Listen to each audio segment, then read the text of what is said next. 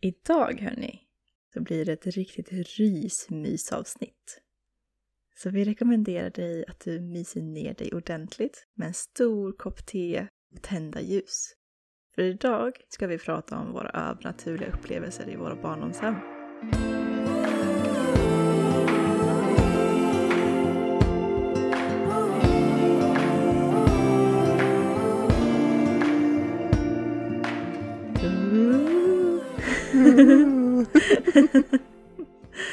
ja, jag har längtat efter det här avsnittet alltså.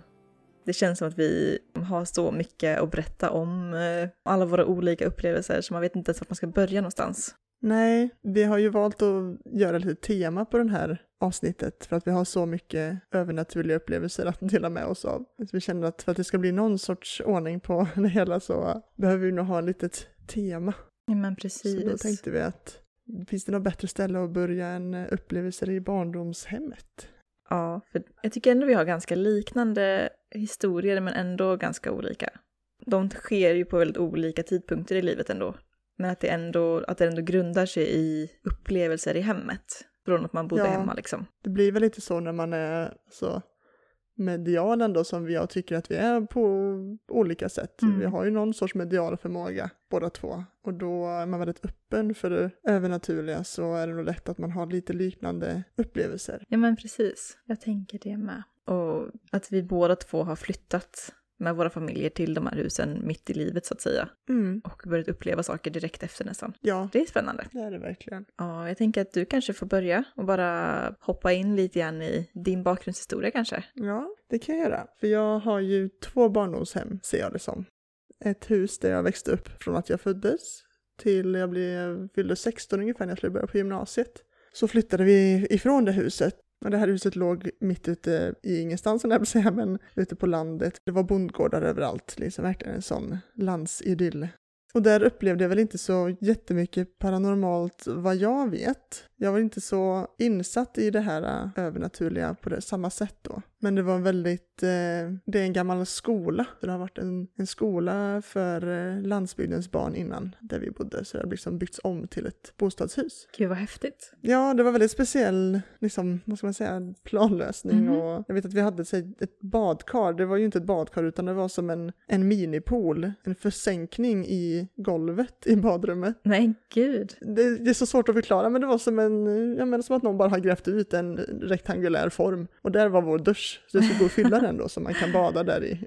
det gjorde vi aldrig, det kostar ju mängder med pengar. Ja, men visst. Men vad häftigt Så det var ändå. lite så speciellt. Ja, verkligen. Ja, men det har alltid varit en obehaglig stämning i det huset också nu i efterhand när jag tänker tillbaka på det. Just då kanske jag inte tänkte så mycket på det. Men det är också en sån att man liksom inte ville gå förbi trappen. Det var läskigt Mm. vid trappen i det huset och liksom bara obehaglig stämning. Man ville inte vara själv på nedervåningen när det var mörkt Nej, till precis. exempel, så bara en tryckande stämning. Så det var egentligen inte förrän jag flyttade då till vårt eh, nya hus. Är en liten, vad säger man, förort heter det inte för det är ingen storstad jag bor i, men ett litet, ett ställe utanför staden där jag bor nu då. Och det var faktiskt ett eh, gammalt företag, eller vad man säger, det var att företaget hade sitt kontor där. Så det var också så här en liten speciell historia bakom det här huset. Så vi tog över det direkt från företaget då. Och jag kommer ihåg det första jag kände när jag kom in i det huset var att det luktade kyrka. Jag vet inte riktigt, har man varit i en kyrka så kanske man kan förstå vad jag menar, men det Mm. känns så här gammalt och ja, men lite så här åh, dammigt och kallt. Och, Instängt liksom. ja, lite instängt. Så mitt första intryck, tyckte det var lite obehagligt. Men Mm. annars är det ett jättefint hus. Så det var när jag flyttade dit som jag började känna lite konstiga energier på riktigt. Att jag verkligen började fundera på vad är det som händer här i världen. Men jag vet inte att jag börjar, vad säger man, med det minst läskiga och sen trappar upp till det läskigaste jag varit med om i det huset. Ja, men det låter väl som en bra idé. För det här huset var det också sånt här allmänt obehag. Varje gång jag var på nedervåningen så var det som att jag var tvungen att springa upp för trappan för att det var någon som jagade mig. Jag var så säker på att det var någon som var efter mig. Mm. Så fort jag rundade, det var liksom en korridor, så fick man runda hörnet och gå upp för trappan. Så att det var som att man ville liksom verkligen springa, så fort man kom runt hörnet så var det bara upp fort som möjligt upp för trappan. Sen var jag liksom aldrig med om att jag hörde någon som jagade mig eller att det liksom var steg eller någonting. Det var mest bara en, en känsla. Mm. Och som vi pratade om i det förra avsnittet, att vi båda två är sådana inkännande varelser som är väldigt känsliga för energi så, så är det inte så konstigt att man kände den känslan, tänker jag. Att du hade den eh, det är obehagligt ändå. Att det var ju säkert så det var, men att det inte var en fysisk energi, utan det var någonting som du bara kände av helt enkelt. Ja, precis. Så måste det, eller måste det inte varit, men det låter logiskt Mm. när du säger det faktiskt. Det är väl ett sånt sätt som jag känner av energier på. Precis. Och det är samma på nedervåningen, man var på övervåningen på dagarna man var själv hemma. Så hörde man ytterdörren så tydligt, vet, det är här tung gammal dörr. Mhm. Det är en tyngd i den när man öppnar och stänger. Det skakar till i hela huset när någon kommer in genom ytterdörren. Ja, jag förstår. Och det kunde man ju höra. Men sån säkerhet som att nu kommer lillebror hem eller mamma eller pappa. Men det kom aldrig någon. Jag förväntade mig så starkt att det skulle komma upp någon för trappan. Det var, ibland var det som att dörren smällde igen. För vi hade på övervåningen, när man kom upp för trappan så hade vi ett skrivbord precis där vi hade datan. Man satt och spelade dataspel eller satt på internet eller MSN och allt det här som man satt på. Så var det så stark känsla av att nu kommer upp någon för trappan men det kom aldrig någon. Så det var en väldigt obehaglig känsla. Då blev man alltid lite illa till mods. Mm. Men gud ja, verkligen. Ja, så det var så här små saker som hände hela tiden som jag inte varit med om förut på det sättet. Och i det här huset så um, upplevde jag faktiskt sömnparalys också för första gången. Ah. Mm. Jag har aldrig varit med om det förut. En morgon så var det som att jag vaknade då. Jag vet inte hur insatta alla som lyssnar är i sömnparalys men det är ju ett tillstånd där hjärnan är vaken men kroppen är fortfarande i sömn. Så det är som att, för mig är sömnparalys att jag vaknar, jag vet att jag är vaken men jag kan inte röra kroppen. Mm. Och jag får som en andnöd, det känns som att jag inte kan andas. Det känns som att jag håller på att kvävs helt enkelt. Eh, fy Väldigt hemskt. obehaglig känsla. Så när jag vaknade med det första gången, eller vad man säger, så var jag så säker på att jag håller på att dö. Mm. Det, det finns ingen annan förklaring på det jag upplever. Nej, nu fy dör jag alltså. här i min säng. Och då var jag kanske 17 vid det här tillfället. Och det var så, ja, jag får nästan panik när jag tänker på den här Ja, första upplevelsen. Ja. Och sen vakna ut ur det här, att äntligen kunna röra kroppen och andas. Och bara, vad var det som hände? Och jag tänkte ju med en gång att det här var ju något paranormalt. Mm. Att det här var någonting övernaturligt. För jag hade ingen aning vad det var jag hade upplevt. Och det här hände flera gånger, om och om igen. ja. Det kan vara mitt i natten, det kan vara på morgonen. Det hände liksom vid flera tillfällen. Såg du någonting under den här paralysen också eller var det bara att du inte kunde röra dig? Vid det här tillfället när jag bodde här så såg jag aldrig någonting. Det har kommit senare Ja, faktiskt, just till senare, senare ställen jag har bott. Då har jag fått bilder som är riktigt obehagliga. Ja, precis. Men just det här var mest bara att jag vaknade av känslan av att jag kommer ingenstans, jag håller på att dö. Riktigt obehaglig upplevelse ändå. Oavsett om det är någonting paranormalt eller om det är liksom en fysisk känsla så är det fortfarande fruktansvärt. Det är ju ingenting jag har varit med om någonsin. Tack gode gud, Nej. säger jag. Tack gode gud ja. Jag är så tacksam för det. Jag vet inte hur jag skulle hantera det alltså. Vilken fruktansvärd ångest att inte kunna röra kroppen och känna den där dödsångesten alltså. Ja, den är, den är alltså. svår att beskriva Mm. faktiskt för personer som inte har upplevt det någon gång. Nej, precis. Och sen är alla olika, vissa ser ju saker hela tiden och hör grejer och har andra känslor. Mm. Sömnparalys är så olika som alla andra åkommor, eller vad man ska kalla det, att man kan känna det på olika sätt. För jag kommer ihåg att när jag faktiskt insåg att oj, det är sömnparalys det heter, det jag har upplevt. Jag, lyssnade, jag tror det var Verkligheten i P3, alltså någon sån här dokumentär där man intervjuade personer som hade varit med om olika saker. Ja, just det. Och då var det en eh, kille som berättade om att han hade sovit på ett hotell och vaknat av att han är förlamad och inte kan andas. Och han låg i det här, vad som kändes, i timmar. Mm. Och började beskriva vad det var, hur det kändes. Jag bara, det här har jag upplevt. Det var en chock. Men jag tyckte också det var så skönt att det inte var något övernaturligt kände jag då. Ändå. Det är inte men någon gud, som ja. försöker döda mig på natten utan. Så det var ju en, en skön uppenbarelse. Mm. Men det är också ganska intressant för att jag har ju bara upplevt sömnparalys på ställen där det har varit vad jag kallade för hemsökt. Ja, det är ju lite intressant faktiskt. den här tryckande känslan. Mm. Så det, det kan prata mer om sömnparalys eh, i de nästa avsnitt Ja. om det övernaturliga som vi upplevt. För jag har ju Precis. väldigt mycket från en specifik lägenhet som, som jag har bott i. Mm, det går ju lite hand i hand med det liksom. Men så det var en riktigt obehaglig tid. Och jag vet att jag berättade inte för mina föräldrar heller att jag upplevde det här. Mm. För jag tänkte att jag är ju knäpp. Åh. Det här är ju inget, det är inte normalt. Jag är konstig eller de kommer inte tro mig och så vidare. Så det var rätt tuff Mm, det tid. förstår jag verkligen.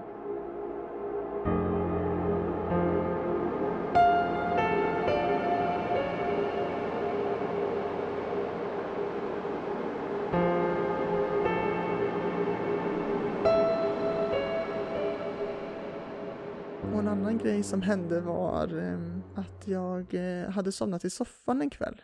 Jag hade väl tittat på tvn och så jag somnat och så hade alla gått och lagt sig. Men jag låg kvar. Och jag vaknade av att jag hörde dunsar på vinden.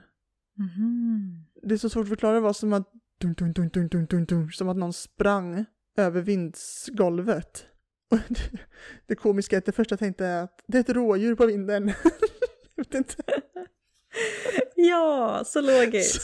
Så konstigt, jag var mitt inne i någon dröm så Ja, jag var liksom bara så här. Så himla konstig tanke. Nej, det är ett rådjur på vinden. Och sen hörde jag det här igen då. Och det var inte så här lite små lätta krafs som att det ska vara en råtta eller något sånt. Utan liksom bara dunkar. Alltså jag blev fullkomligt livrädd. Mhm. Jag fick panik, jag kunde inte andas. Jag fick gå och väcka mina föräldrar för jag fick total andnöd. Jag Mm. kunde inte ta ordentliga andetag. Jag förstår det, vilken panik alltså. Usch. Och de ringde sjukvården till och med och liksom vad ska vi göra? Vår dotter kan inte andas. Och sen i efterhand nu då så jag insett att det var ju en panikångestattack Mm. jag fick. Det var min första panikångestattack. Jag har haft dem efteråt. Det är exakt samma känsla ja, för mig. precis. Det här att jag kan inte få fram någon luft. Nej, fy vad hemskt alltså. Det är som att hjärtat kramas åt. Så det var också en sån händelse som jag, det hände aldrig igen. Jag kan inte hitta någon förklaring på vad det kan vara som dunkar så. Men sen dess har jag varit livrädd för att Mm. vara på vinden själv. Ja, jag förstår det. Alltså hotfull känsla ändå av att det är så tunga dunsar liksom. Det är ju, Mm. känns inte som någonting positivt och välkomnande liksom.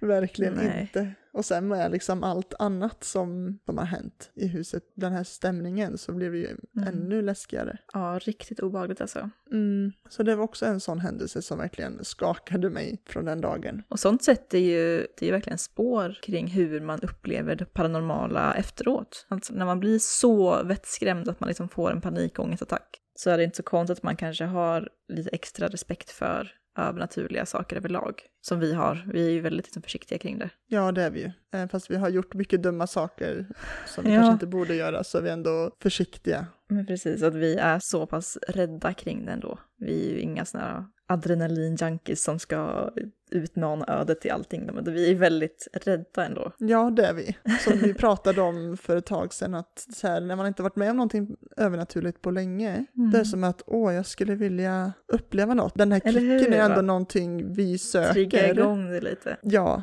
men sen när vi väl är där så är vi ju livrädda Mm. och känner att Ja, det här är det värsta som kan hända, vi vill inte. Så det är väldigt tvetydigt hela tiden. Det Mm. blir två sidor av det hela. Ja, men verkligen. För vi är ju så intresserade av det. Inte bara Ja. den här kicken, utan vi är intresserade av vad är det, hur funkar det, Mm. varför händer sådana här saker, vad är det? Och varför kan vi känna av det men inte alla andra? Men precis, det finns så mycket olika frågor och det är så svårt att få svar på dem. Det är så mystiskt. Jag tycker det är jättefascinerande, spännande och skitläskigt. Ja, verkligen. Härlig kombo. Ja, men det är ju så, man kan inte hjälpa vilka intressen man har utan det, det är lite som det är. ja, så är det ju. Helt klart. Ja, och sen har jag ju en, jag tror det är en av de värsta upplevelserna jag haft i hela mitt liv. Som jag Mm. inte på något sätt kan förklara. När jag pratar om det, när jag berättar den här historien, så känns det som att jag är helt knäpp i huvudet. Som att det är en dröm, för det tänker jag ofta när jag är med om något övernaturligt. Direkt efter när man är ute en situation känns det som att det hände inte, det var inte på riktigt, jag har bara hittat på Nej, allt. precis. Man börjar överanalysera hela situationen liksom. Ja, att det blir en sån försvarsmekanism. Att min hjärna kan inte ta in den här informationen så att den säger att den är påhittad. Så känns Man det. idiotförklarar sig själv liksom bara, men nej men, det där hände ju inte. Det där är ju helt sjukt. Mm. Liksom. Men eh, den här historien är 100% sann. Och det började med att eh, jag var på nedervåningen då som var, den var ju extra obehaglig. Övervåningen helt Mm. okej. Nedervåningen var där man inte ville vara själv för mycket och för länge. Men under en period så hade vi vår dator där nere och jag var ju en riktig sitta och chatta med kompisar hela nätterna och spela spel och så satt vi i datorn väldigt mycket. Så jag satt ju sena nätter och själv där nere i den mörka, läskiga nedervåningen. Ja, fy alltså. Och sen, jag tror klockan kanske var ett, två på natten, så bestämde jag mig för att nej, men vet ni att nu är det dags att gå och lägga sig. Så jag stänger ner datorn och förbereder allt, går runt och släcker. Och då ska jag gå och släcka i köket. Och precis när jag tar ett steg mot köket så hör jag att det är någon som river i en kökslåda. Det är som att någon river i besticken och eh, slår i skåp, typ, eller öppnar och stänger skåp. Ja, just det. Och det är sådana här magnetskåp så att det så här, klickar ju lite när man stänger. Ja, precis. Det låter ju tydligt Ja, ändå. det hörs jättetydliga ljud från köket och jag bara stannar. Klockan är två på natten och hjärnan börjar bearbeta.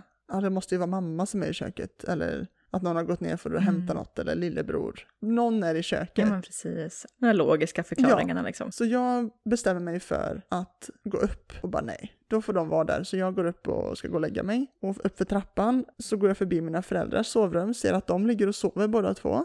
Fortsätter längs en korridor och så måste man svänga runt ett hörn, då ser man min lillebrors rum. Och sen måste man gå ytterligare en korridor, det är en liten labyrint här, för att komma in i mitt rum.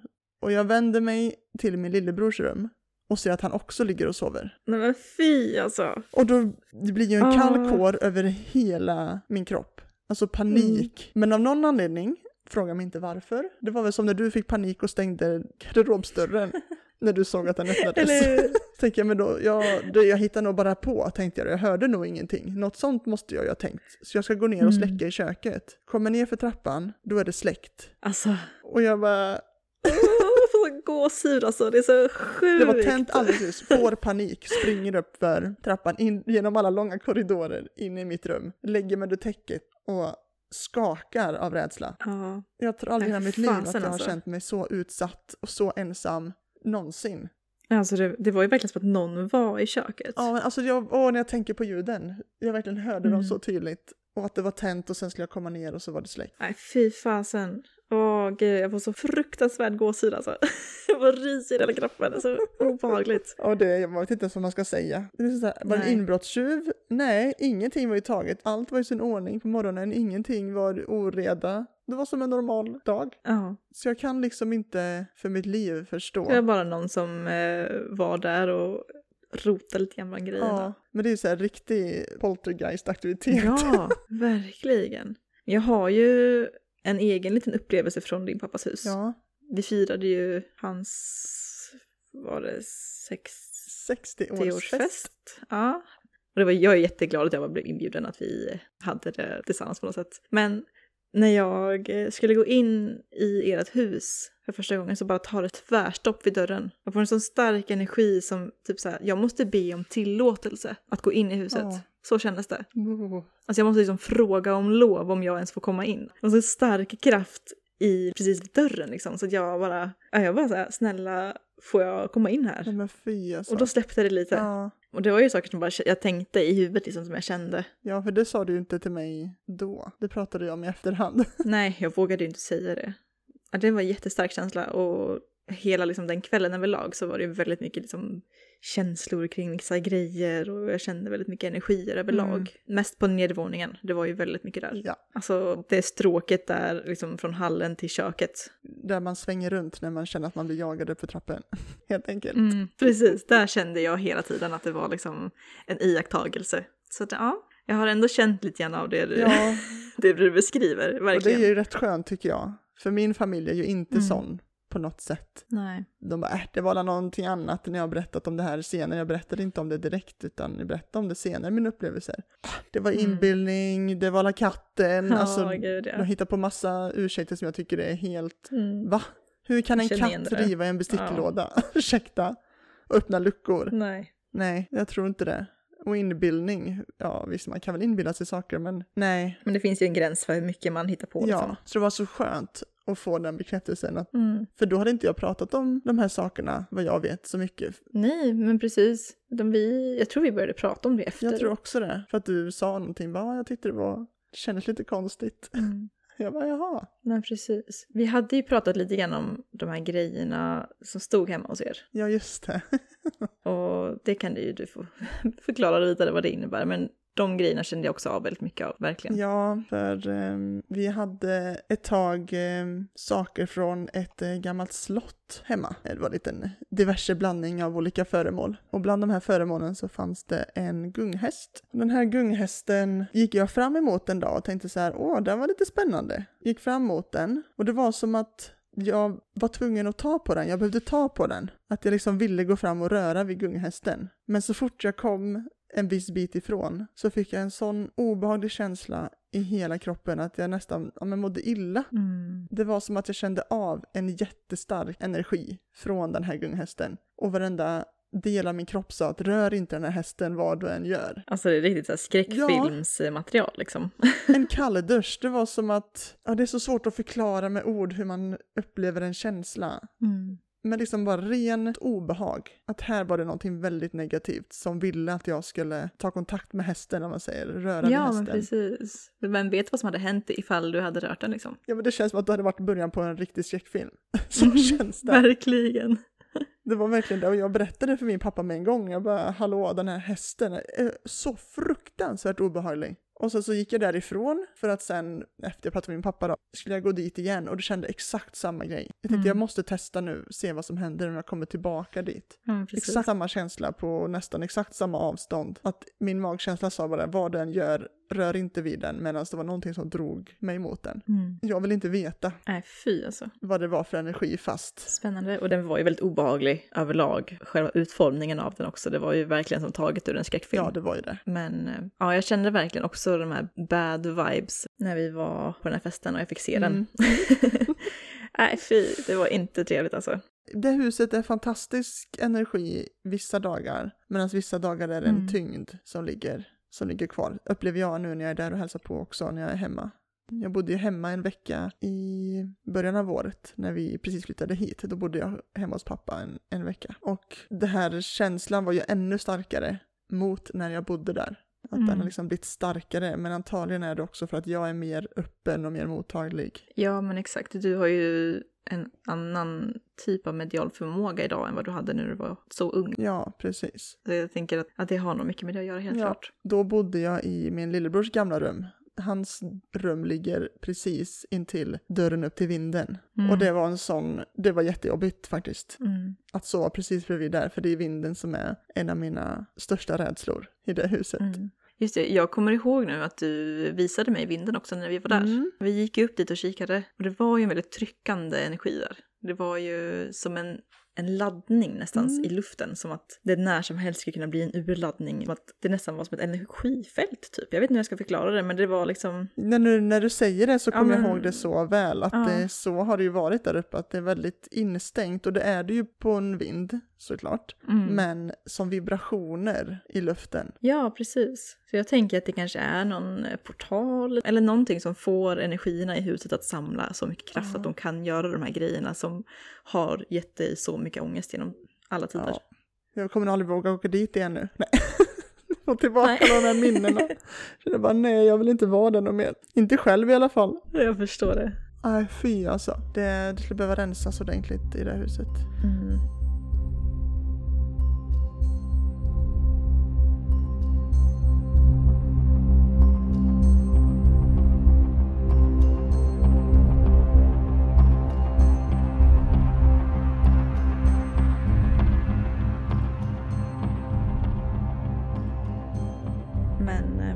Jag kommer ju också från ett hemsökt hus. Surprise! Nej, vi flyttade ju dit när jag var, jag vet inte, 10 kanske. Det var 2005, 2004, 2005. Så jag var typ 10, 11 någonting. Flyttade min pappas familj då till ett stort gammalt hus byggt 1919. Som nu är det ju över 100 år gammalt. Sjukt.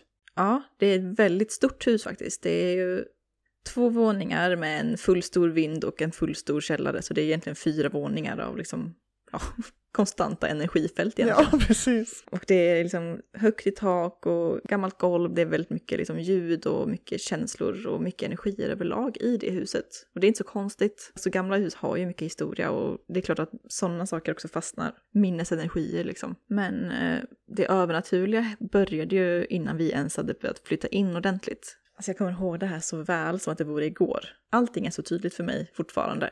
Trots att det har gått så många år. Det är ju mer än halva mitt liv sedan det hände liksom. Men det är ju ofta så med övernaturliga upplevelser känner jag. Det är lite en lätt trauma, Mm. alltså man blir lätt traumatiserad av en upplevelse och det sätter sig som en film på hjärnhinnan. Ja, precis. Och den kan spelas om och om och om igen. Men det började i alla fall med att jag hade fått en eh, liten mobilkamera faktiskt. En mobiltelefon med en typ 0,8 megapixelkamera. Mm. Det var ju som sagt typ 2004, 2005 någon gång, Ja. så det var ju, ni kan ju tänka kvaliteten. Precis. De små bilderna liksom. Och det var ju väldigt eh, nytt och väldigt stort för mig att jag hade en så häftig mobiltelefon liksom. En färgtelefon med en kamera liksom. Det var ju galet. Jag fotade ju allt. Och då så mitt i liksom, upppackningen så ska jag fota min lillebror när vi står i det som är eh, matsalen nu. Och jag fotar min lillebror som är en liten blond pojke med typ en så här skärmkeps. Och det var typ en, en haj som hade solglasögon och som surfade på en bräda typ. Så det var väldigt liksom surfy, Ja. cool. Så jag fotade honom, pang, enkel porträtt, bara på hans huvud typ. Och inget konstigt med det. Tills jag på kvällen då går igenom bilderna på min telefon som jag har tagit under dagen. Och hamnar på den här bilden på min lillebror och ser ett ansikte bakom honom. en typ äldre man. Man ser så tydligt ansiktet och det vita håret och en grimas han gör. Han ser så fruktansvärt Åh, läskig ut. Alltså alltså. verkligen sur och ovälkomnande gammal skruttgubbe liksom. Snett bakom Åh, min lillebror. Jag tänker på den här, äh, vad är det i The Conjuring 2, den här obehagliga mannen med vitt hår och mörka ögon. Det är från någon skräckfilm. Så ser jag honom. Jag vet inte om jag kan visa dig den sen. Just det. Se om du Mm. har en likadan bild så kan vi lägga upp det i Facebookgruppen bara så att ni får se Ja, vad jag menar. precis. Alltså jag önskar verkligen att jag hade kvar den här bilden. Det är typ en av mina största sorger i livet att den inte existerar längre. Det är, så här, alltså, det är alltså ett sånt tydligt paranormalt foto som det bara går liksom. Det är därför det inte finns kvar. Nej, precis. Det är alltid så. Så är det ju. Mm. Men jag får i alla fall panik, blir livrädd, springer upp och eh, visar bilden för min pappa. Ja. Varav han typ idiotförklarar mig och bara det där har du photoshoppat typ. Såklart. Alltså jag var typ tio år, jag hade aldrig använt photoshop, jag visste inte hur det funkade, jag visste inte vad det var knappt. Så att hans eh, resonemang var liksom att jag hade lyckats föra över den här bilden på datorn, fast jag inte har en aning om hur. Nej. Och sen klistrat in en bild då på en man och lyckats redigera in den så Men bra i herregud. bakgrunden liksom. Snacka om att vara inte mottaglig för det Nej, verkligen. Han är väldigt logisk och det finns en förklaring för allt, även fast förklaringen i sig kanske är mer orimlig än händelsen i sig. Ja. Så att eh, sen dess har det bara fortsatt. Och jag minns att jag och mina vänner vart så lite spökjägare efter det. Vi typ så sprang runt och fotade överallt i, i huset och bara Är det där någonting? Ser du inte bakgrunden? Är det där någonting som kan vara men ett spöke? Typ så här. Jag ja. vågade det då. Jag hade ju ja men gud. blivit livrädd och aldrig vågat fota något i det här huset. Nej jag vet. så att eh, det var väl egentligen början på hela den här långa liksom, händelseförloppet som har varit i det här huset. Det har också varit ett mycket så allmänt obehag i huset. Att man bara aldrig vill gå ner till källaren för att så fort man går upp eller ner för trappen så känns det som att det är någon som jagar en hela Ja. vägen ner liksom. Oh. Alltså, man får alltid gåshud där. Och jag har så tänkt att ja, men jag är väl bara mörkrädd. Alltså Ja. det är väl inte mer än så. Men jag har kunnat gått ner i andra läskiga mörka källare utan att känna så. Mm. Precis. Just den här hårresningen, alltså som Ja, en kall fy. dusch verkligen. Mm, Varenda gång. Och det är fortfarande när jag går ner i den källaren så känner jag exakt samma känsla. Det Ja. släpper liksom inte. Det finns någonting. Men det är som du säger, man vet ju inte alltid om det är att man är rädd för mörker eller att det är någon annan känsla att källare är ju obehagligare. Mm. Ja men precis. Eller är det någonting mer? Det är så svårt. Men jag Ja, tycker ändå hur? att man märker en skillnad. För att jag kan, Mm. att jag är mörkrädd då är det så en stress i kroppen. Men om jag känner av någonting då är det en fysisk känsla över hela kroppen att så här, det är någonting här. Mm. Ja men exakt. Och det är någonting jag har lärt mig i efterhand att känna skillnad på. Jag också. Men efter det så har det liksom bara fortsatt. Jag flyttade upp på övervåningen ganska tidigt ändå. Vi byggde om ganska mycket i huset.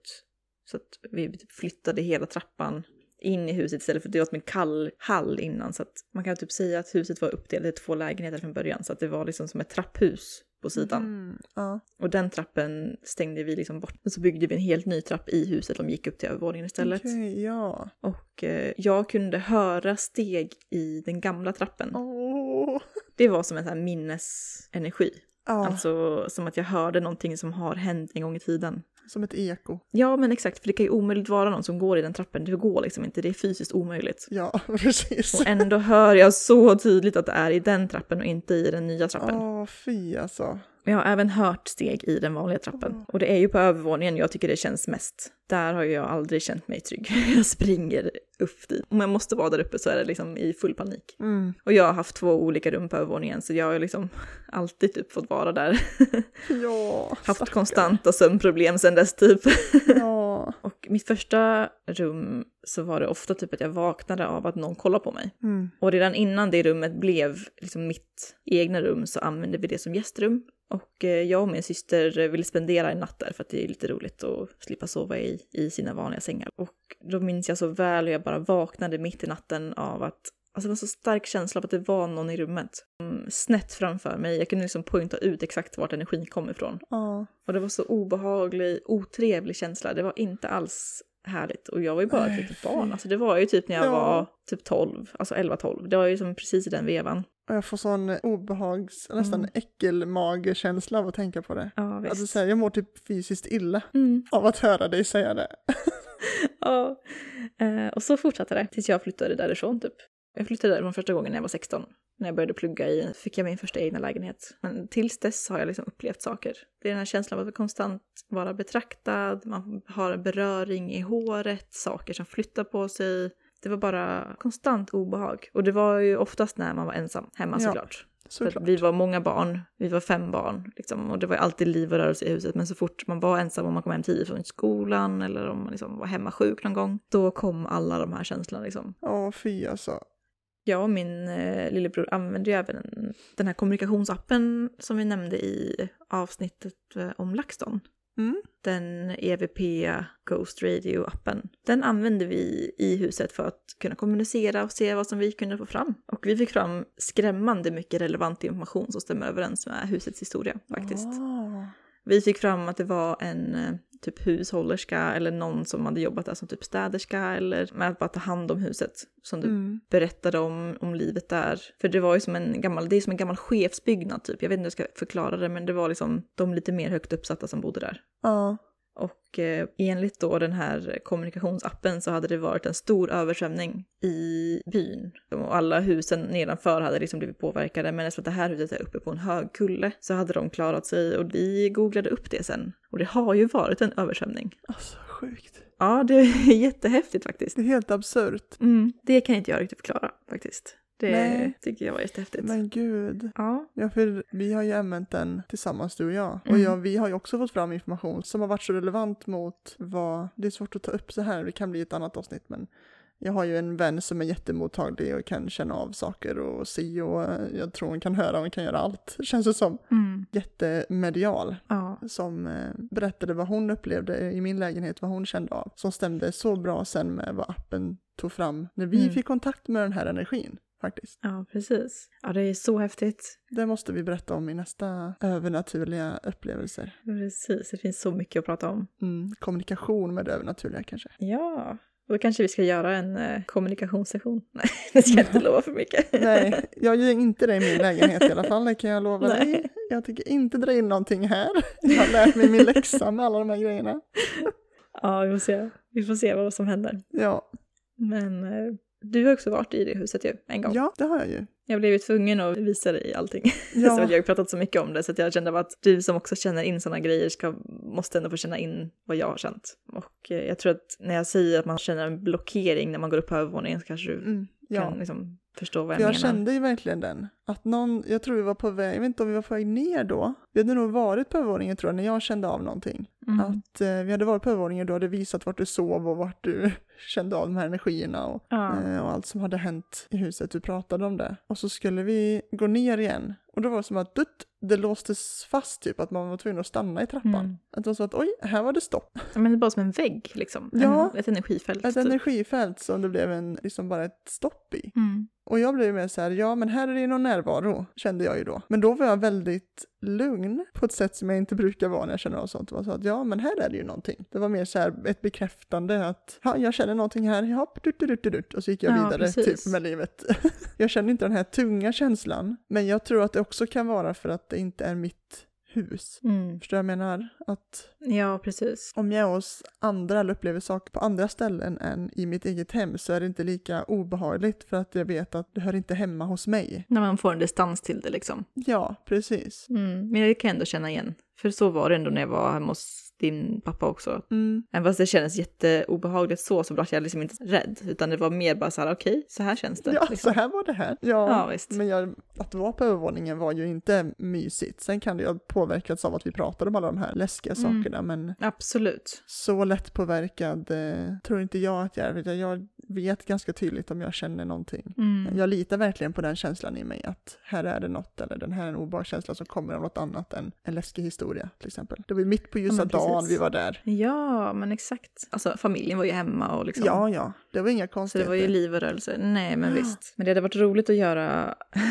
alltså jag och alla mina spökaktidéer. ja. Det hade varit kul att vara där själv en kväll och bara gå runt och kommunicera. Jag hade älskat det. Det hade varit så jävla roligt. Bara jag får åka långt därifrån.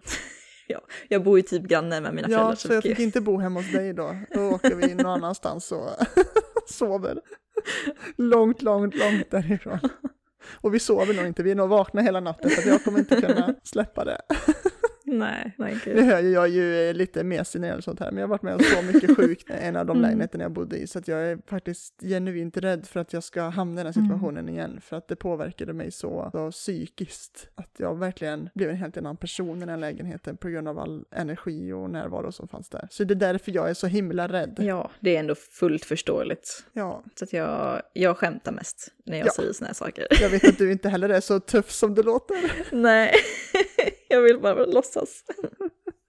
Men som sagt, den här, man vill ju ha den här kicken liksom. Det var därför vi var till museet till exempel. Det, var ju Ja, distans ifrån precis. oss, vi är på museet. Ja, ja. Mm. Sen fick vi med oss någonting hem ändå, men Ja, men det är våran vanliga otur. Ja, lite så är det ju. Och vi öppnade upp Ja. oss ganska mycket. Så att, mm, vi fick ju skylla oss själva lite grann. ja, lite så.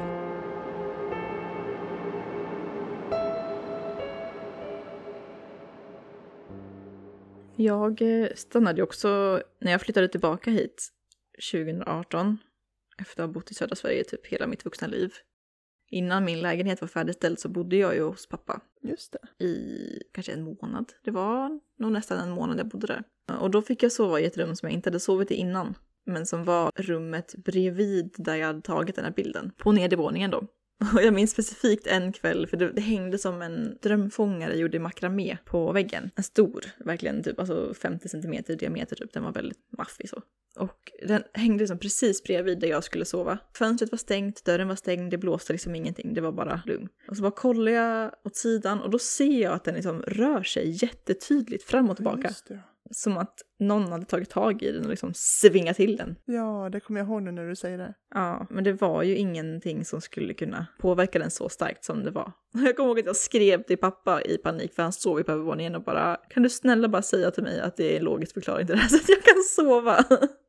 Han bara, det var bara korsdrag, gå och lägg dig. Typ. Ja, Alltså, det var så jäkla obehaglig känsla. Och speciellt när det är så nära en. Alltså det var ju bara några Ja. decimeter från mitt huvud. precis. Och jag hade ju den här obehagskänslan då också. Att det var någon i rummet. Så det var nog inte helt oskyldigt. Nej, det är det nog inte. Varför ska vi råka ut för sådana kraftfulla energier som kan röra i saker? Det, det inte. gillar inte Ja, jag. men jag, jag vet inte om jag eh, är bra på att ge min energi till eh, de här liksom, andarna, eller vad man ska säga. Att jag Ja. blir så uppskrämd att min adrenalin liksom Ja. ger dem kraft till att kunna göra här sjuka saker. Så att jag blir ännu räddare. En ond cirkel av konstant ångest och rädsla. Ja, du säger alltid till mig, tänk positivt. Jag bara, mm, det är lätt Ja, när man ligger här och är livrädd liksom. eller hur? Nej, Det bra är så tips. att ge det tipset till alla andra. När man Precis. själv är där bara, nope. Som när vi fick efter museet där och vi höll på och försökte få bort den energin som var kvar här. Du skulle gå ut Mm. och sova i eran van och jag fick ligga kvar här inne. Jag bara, jag bara tänk bara positivt, det är ingen fara. Jag bara, lätt för dig att säga så ska gå härifrån. Åh, fy fan vad taskigt ändå. Du skulle fått följa med och sova i bussen. Ja, nej, så är det ju. Det var en riktigt jobbig natt, men eh, det, det gick ju det med. Sen har det inte varit Mm. Jag tror det var någon kvarliggande energi som låg kvar. Det var inte den energin som var i lägenheten utan det var någon efterdyner av det som hade hänt tror jag. Ja, precis. Men eh, ja, det var nog det jag hade att berätta egentligen om det huset. Det var väl inte så bara kanske, det var ganska, det ganska mycket. Ja, men alltså, alla mina upplevelser, övernaturliga upplevelser, har ju mest varit i de lägenheterna jag har bott i från att jag flyttade hemifrån. Mm. Jag har ju varit med om saker, som sagt, i det här huset och så som är mer konkreta, men det är mest känslor. Alla mina övernaturliga upplevelser som är sjuka har varit i en av lägenheterna främst ju, som jag har bott i. Mm.